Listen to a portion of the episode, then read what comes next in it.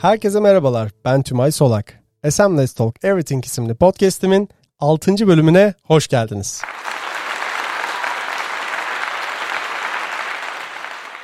Podcast aleminde öğrenilmiş bir ders vardır. Eğer 6 bölümü düzenli ve başarılı bir şekilde yayınlayabilirseniz o zaman o podcast'in uzun bir süresi devam edecek ve yayında kalmaya başaracaktır. Bu da podcast'imin 6. bölümü olduğuna göre bir alkışı daha hak ettiğimi düşünüyorum. Ne dersiniz?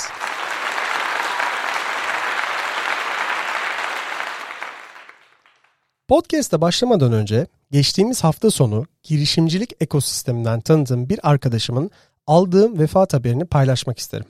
Peki bu bana nasıl mı hissettirdi? Şöyle, sorunlar karşısında gösterdiğimiz onca çaba ve verilen geceli gündüzlü emeklerin karşısında hiç ummadığımız bir anı yaşayabilme ihtimali beni derinden etkilediğini söyleyebilirim. Bu konuyu çok uzatmamakla birlikte arkadaşım için Allah'tan rahmet, ailesine sabırlar diliyorum. Evet, bu hafta sizlere hem bir beyaz yakalı, hem bir girişimci, hem de bir melek yatırımcı olarak girişimcinin hayatındaki fırsatları ve zorlukları sizlere nacizane paylaşıyor olacağım. Hadi başlayalım. İlk olarak son yıllarda popüler olan girişimci olarak tabir edilen bu kavramdan kısaca bahsetmek isterim. Bir girişimci fikirleri doğrultusunda yaratıcı, vizyoner, tutkulu olurken sosyal becerileri açısından ikna kabiliyeti yüksek ve insanları heyecanlandırabilen kimsedir. Yalnızca bunlara bilse dahası da var.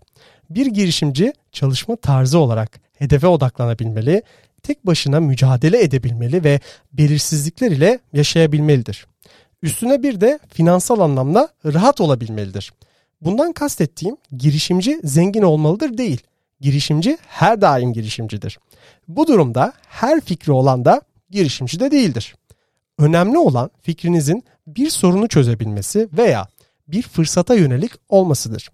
Fikrinizi ete kemiğe büründürmek için izleyeceğiniz yolu belirlemek zahmetli bir süreç olsa da kendinize şu dört soruyu sorarak işe başlayabilirsiniz. Örneğin, kuracağınız iş modeli müşteriye nasıl bir değer sunacak? Bu iş kendinize ve yatırımcılarınıza nasıl para kazandıracak? Bu iş rakiplerinize göre nasıl farklılaştırılacak? Aynı zamanda işin tanımı ile şirketinizin konumu nasıl oluşturulacak?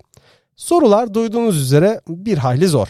Yine de hemen cevaplayamazsanız sakın üzülmeyin. Sırada bir girişimcinin karşılaşabileceği fırsatları sizlerle paylaşıyor olacağım.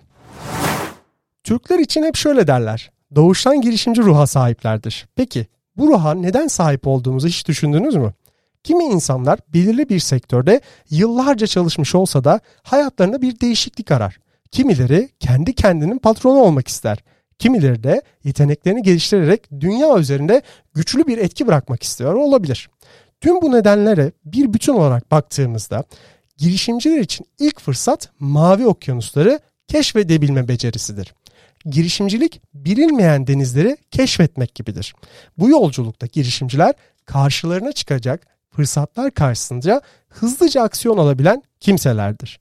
Bu aksiyonlar bazen doğru, bazen de yanlış olacaklardır aslında tecrübe dediğimiz şey de yanlışlardan alınan dersler değil midir? Ve bence en güzel öğretidir. Girişimci için kazanmak ya da kaybetmek yoktur. Aldıkları kararın sonucunda yalnızca öğrendikleri öğretiler vardır. İkincisi ve bence en önemlisi de girişimciler hedefledikleri her neyse o hedefe in- insanları, başkalarını inandırabilen güçlü birer liderdir. Girişimciler geleceğe dair vizyonları olan bu vizyon doğrultusunda hedeflerini ve hayallerini yönlendirebilen kişilerdir. Girişimcilikte liderlik, farklı aşamalarda girişime yön verebilme, ekip oluşturabilme, yatırım bulabilme, ilk müşterileri edinme, kriz yönetme gibi görevlerden meydana gelmektedir. Sonuncu fırsat ise bir lider girişimcinin kriz anlarında hedefleri için risk alabilmesidir. Hatta aldığı riskleri yönetebilme becerisidir girişimcilikte harcanan en önemli iki kaynak olduğunu düşündüğüm zaman ve para hiçbir getiri üretmeden boşa gitme riskini taşıyabilmesidir. Uğruna savaşacak hedefi olmayan kişilere ise bu durum epeyce anlamsız gelebiliyor. Hatta en büyük risk risk almamaktır sözünü bir girişimci olarak her zaman hatırlıyor ve aldığım tüm kararlarımda ya kaybedersem değil de kaybettiğimde nasıl toparlayacağımı planlamama yardımcı oluyor. Son olarak gelin bir de girişimcinin karşılaşabileceği olası zorluklara yakından bakalım. Eğer bir girişimci kendi gibi düşünmeyen kalabalık bir grup içerisinde yer alıyor ise zamanla yalnız kalması kaçınılmazdır. Bir girişimcinin arkadaşları ve çevresiyle paylaştıkları karşısında şu sorulara maruz kaldığından ben eminim. İlk soru. Ne gereği var? İkinci soru. Bunları düşünecek vakti nereden buluyorsun? Hatta şöyle bir cümle duyarsınız. Biraz ayakların yere bassın be oğlum. İfadesi size de tanıdık geliyor öyle değil mi? Hem ailesi hem de arkadaşları tarafından bir girişimcinin hayalleri ve hedefleri kolaylıkla anlaşılması neredeyse mümkün değildir. İstisnalar olur mu? Tabii ki de ama istisnalar ne yazık ki kaideyi olmaz öyle değil mi? Sırada maddi zorluklar geliyor. Girişimci hayalleri için önce kendi kaynaklarını sonra da yakın çevresinin kaynaklarını hızlıca tüketebilirler. Aslında yola yeni başlamış bir girişimci için bu çok normaldir. Çünkü yeteri kadar finansal bilgisi ve fizibilite yapacak zaman bulamamıştır. Dikkatinizi çekti mi hiç bilmiyorum ama girişimcilikteki başarı oranı 40 yaş ve üstü grupta %70'lerdeyken 20'li yaşlarda başarı oranı %5'lerin altında seyretmektedir. Bunun nedenlerinden biri de maddi kaynakların yetersizliği ve finansal bilginin eksikliğidir.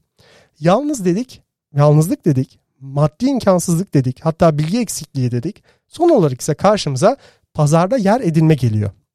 Yani girişimcinin sunduğu ürün ve hizmetin tüketiciler tarafından kabul görmesi durumu.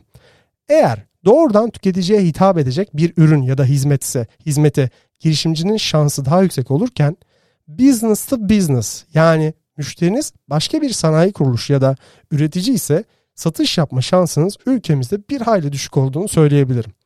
Bunun nedeni girişimcinin ürünündeki ya da hizmetindeki sorunlar ya da uyumsuzluklar değil. Bunun nedeni sanayi işbirliğinin ülkemizde yeni yeni gelişiyor olmasıdır. Belki de ben yanılıyorum ama girişimcilik bir yerde girip çalışmaya benzemiyor ne de olsa. Özetlemek gerekirse. Girişimcilik adı altında yıldızı çabuk parlayan ve aynı hızda sönen bir sürü hikaye dinliyoruz. Hikaye derken gerçekten yaşanmış olaylar, yapılan hatalar veya zamanında alınamayan kararlar gibi.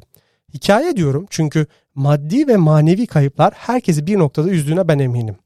Paylaştığım fırsatlar ve zorluklar karşısında bir girişimcinin amacı ayakları yere basan ve sürdürülebilir bir büyüme yakalamak olmalıdır. Yoksa o kayan yıldızlardan biri olması kaçınılmaz olacaktır.